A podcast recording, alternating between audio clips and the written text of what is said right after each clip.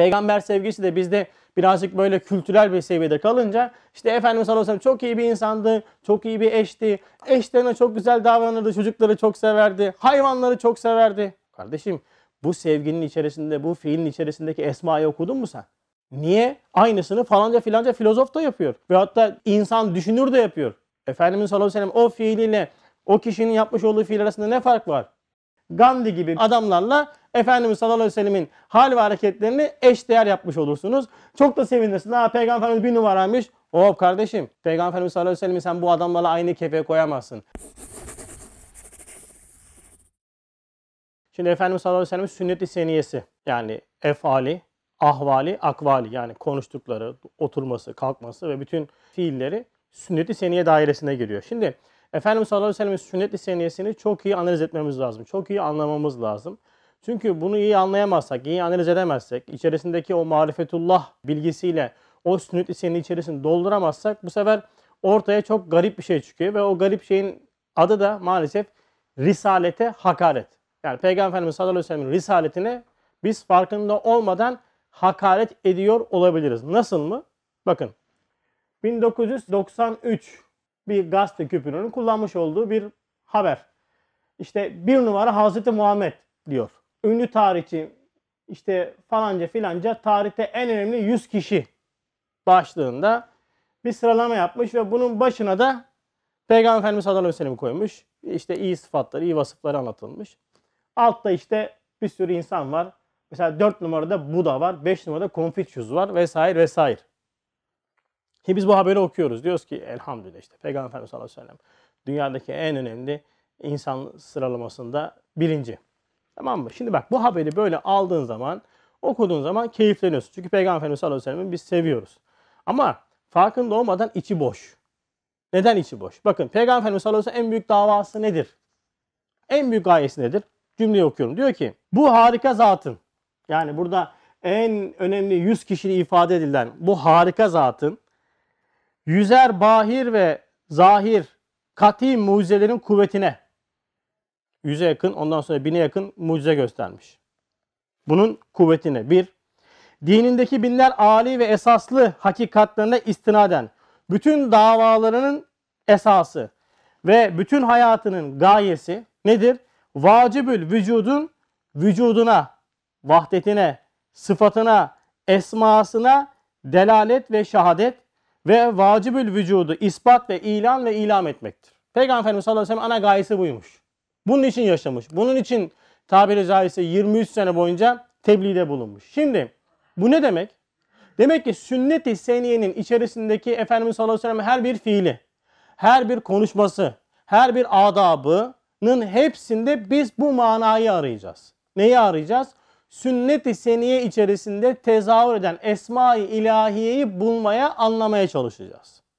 Eğer bunu yapamazsak, yani Peygamber Efendimiz sallallahu aleyhi ve sellem en büyük gayesi hayatının davası buyken biz farkında olmadan onu o çok iyi bir insandı, hayvanları çok severdi, çocukları çok severdi şeklinde sünnet-i seniyeden uzak bir şekilde anlamlandırmaya başladığımızda bu hareketleri bu sefer de ne oluyor? Efendimizin risaletini unutuyoruz.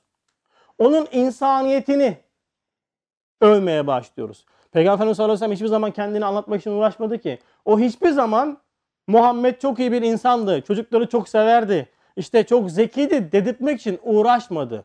Onun tek bir davası, tek bir gayesi vardı. Yapmış olduğu bütün fiillerde, hal ve harekatında, söylemiş olduğu bütün kelamlarda, sünnet-i seniyenin tamamında Cenab-ı Hakk'ı işaret etmek, onu anlamlandırmak, onu tanıtmaktı. Yani Peygamber Efendimiz çocukları çok severdi dediğimde benim yapmam gereken şey ne? O sevgi içerisinde Cenab-ı Hakk'ın ismi Vedud, ismi Rahman, ismi Rahim'in tecellisini anlamaktır. Peygamber Efendimiz sallallahu aleyhi ve sellem çocuk severken bakın ben çocukları çok seviyorum. Ben çok iyi bir insan için insanım demek için çocuk sevmedi.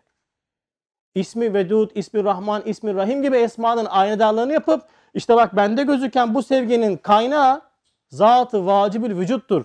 Ben size onu tarif ediyorum diye çocuk sevdi.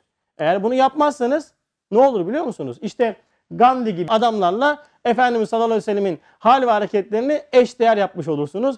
Çok da sevinirsin. Ha Peygamber Efendimiz bir numaraymış. Hop kardeşim Peygamber Efendimiz sallallahu aleyhi ve sellem'i sen bu adamlarla aynı kefeye koyamazsın. Bunların hepsi iyiliği kendinden bilip o iyiliklerle kendi benliklerini pazarlayan, iyiliklerin kaynağı olarak kendini gören kişilerdir. Vahyin terbiyesinden mahrum kalmış kişilerdir. Hz. Muhammed Mustafa Aleyhisselatü Vesselam vahyin e, nedir? Elçisidir. Vahyin tebliğcisidir. O hiçbir hal ve hareketinde kendini anlatmaz, kendini ifade etmez. Bütün hal ve hareketinde zatı vacibül vücudu işaret eder. Bütün iyiliklerin kaynağı olarak o zatı işaret eder. Onu ders verir, onu anlatır. Arasında büyük fark vardır. Arasında çok büyük fark vardır. Bu insanların Hz. Muhammed sevgisi bunları kurtarmaz. Çünkü bunlar iyi bir insan olarak Hz. Muhammed'i seviyorlardı. Aynı Ebu Cehil de böyleydi. Ebu Cehil ne diyordu? Muhammed'in emin demişti. Ama Resulullah dememişti. Arada farkı anladınız mı? O yüzden Peygamber Efendimiz sallallahu aleyhi ve sellemin bütün kemalatı, iyiliklerini hümanizm potasında eritmemek lazım. Kardeşim hayır ben buradan zatı vacibül vücuda ne mana bulabilirim? Neyi anlayabilirim? Hangi esmasına bakıyor? Bütün Peygamber Efendimizin hal ve hareketlerini bu minvalde değerlendirmemiz lazım ki sünnet-i esası budur. Ama bu öğretiden biz çok mahrum kaldığımız için biz maalesef Peygamber sevgisi de bizde birazcık böyle kültürel bir seviyede kalınca işte Efendimiz sallallahu aleyhi ve sellem çok iyi bir insandı, çok iyi bir eşti, eşlerine çok güzel davranırdı, çocukları çok severdi, hayvanları çok severdi. Kardeşim bu sevginin içerisinde, bu fiilin içerisindeki esmayı okudun mu sen? Niye? Aynısını falanca filanca filozof da yapıyor. Ve hatta insan düşünür de yapıyor. Efendimiz sallallahu aleyhi ve sellem o fiiliyle o kişinin yapmış olduğu fiil arasında ne fark var? Koca bir risalet farkı vardır. Efendimiz sallallahu aleyhi ve sellem kendi benliğini ifade etmez, kendini anlatmaz.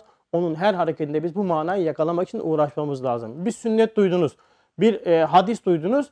İşiniz, gücünüz hemen o hadisi şerifi, o sünneti zatı vacibül vücuda bağlayarak anlamaktır. Ama ve lakin bu çok zordur, uzun bir eğitim gerektirir. Maalesef şu anda biz kültürel seviyedeki din anlayışımızla bu eğitimden çok mahrumuz ve biz farkında olmadan Efendimiz sallallahu aleyhi ve sellem'i hümanizm seviyesinde, yani çok iyi bir insan seviyesinde anlayıp takım tutar gibi peygamber tuttuğumuz için de böyle haberleri görünce hoplayıp zıplıyoruz. Arkasındaki tehlikenin farkında olmuyoruz. Allah muhafaza.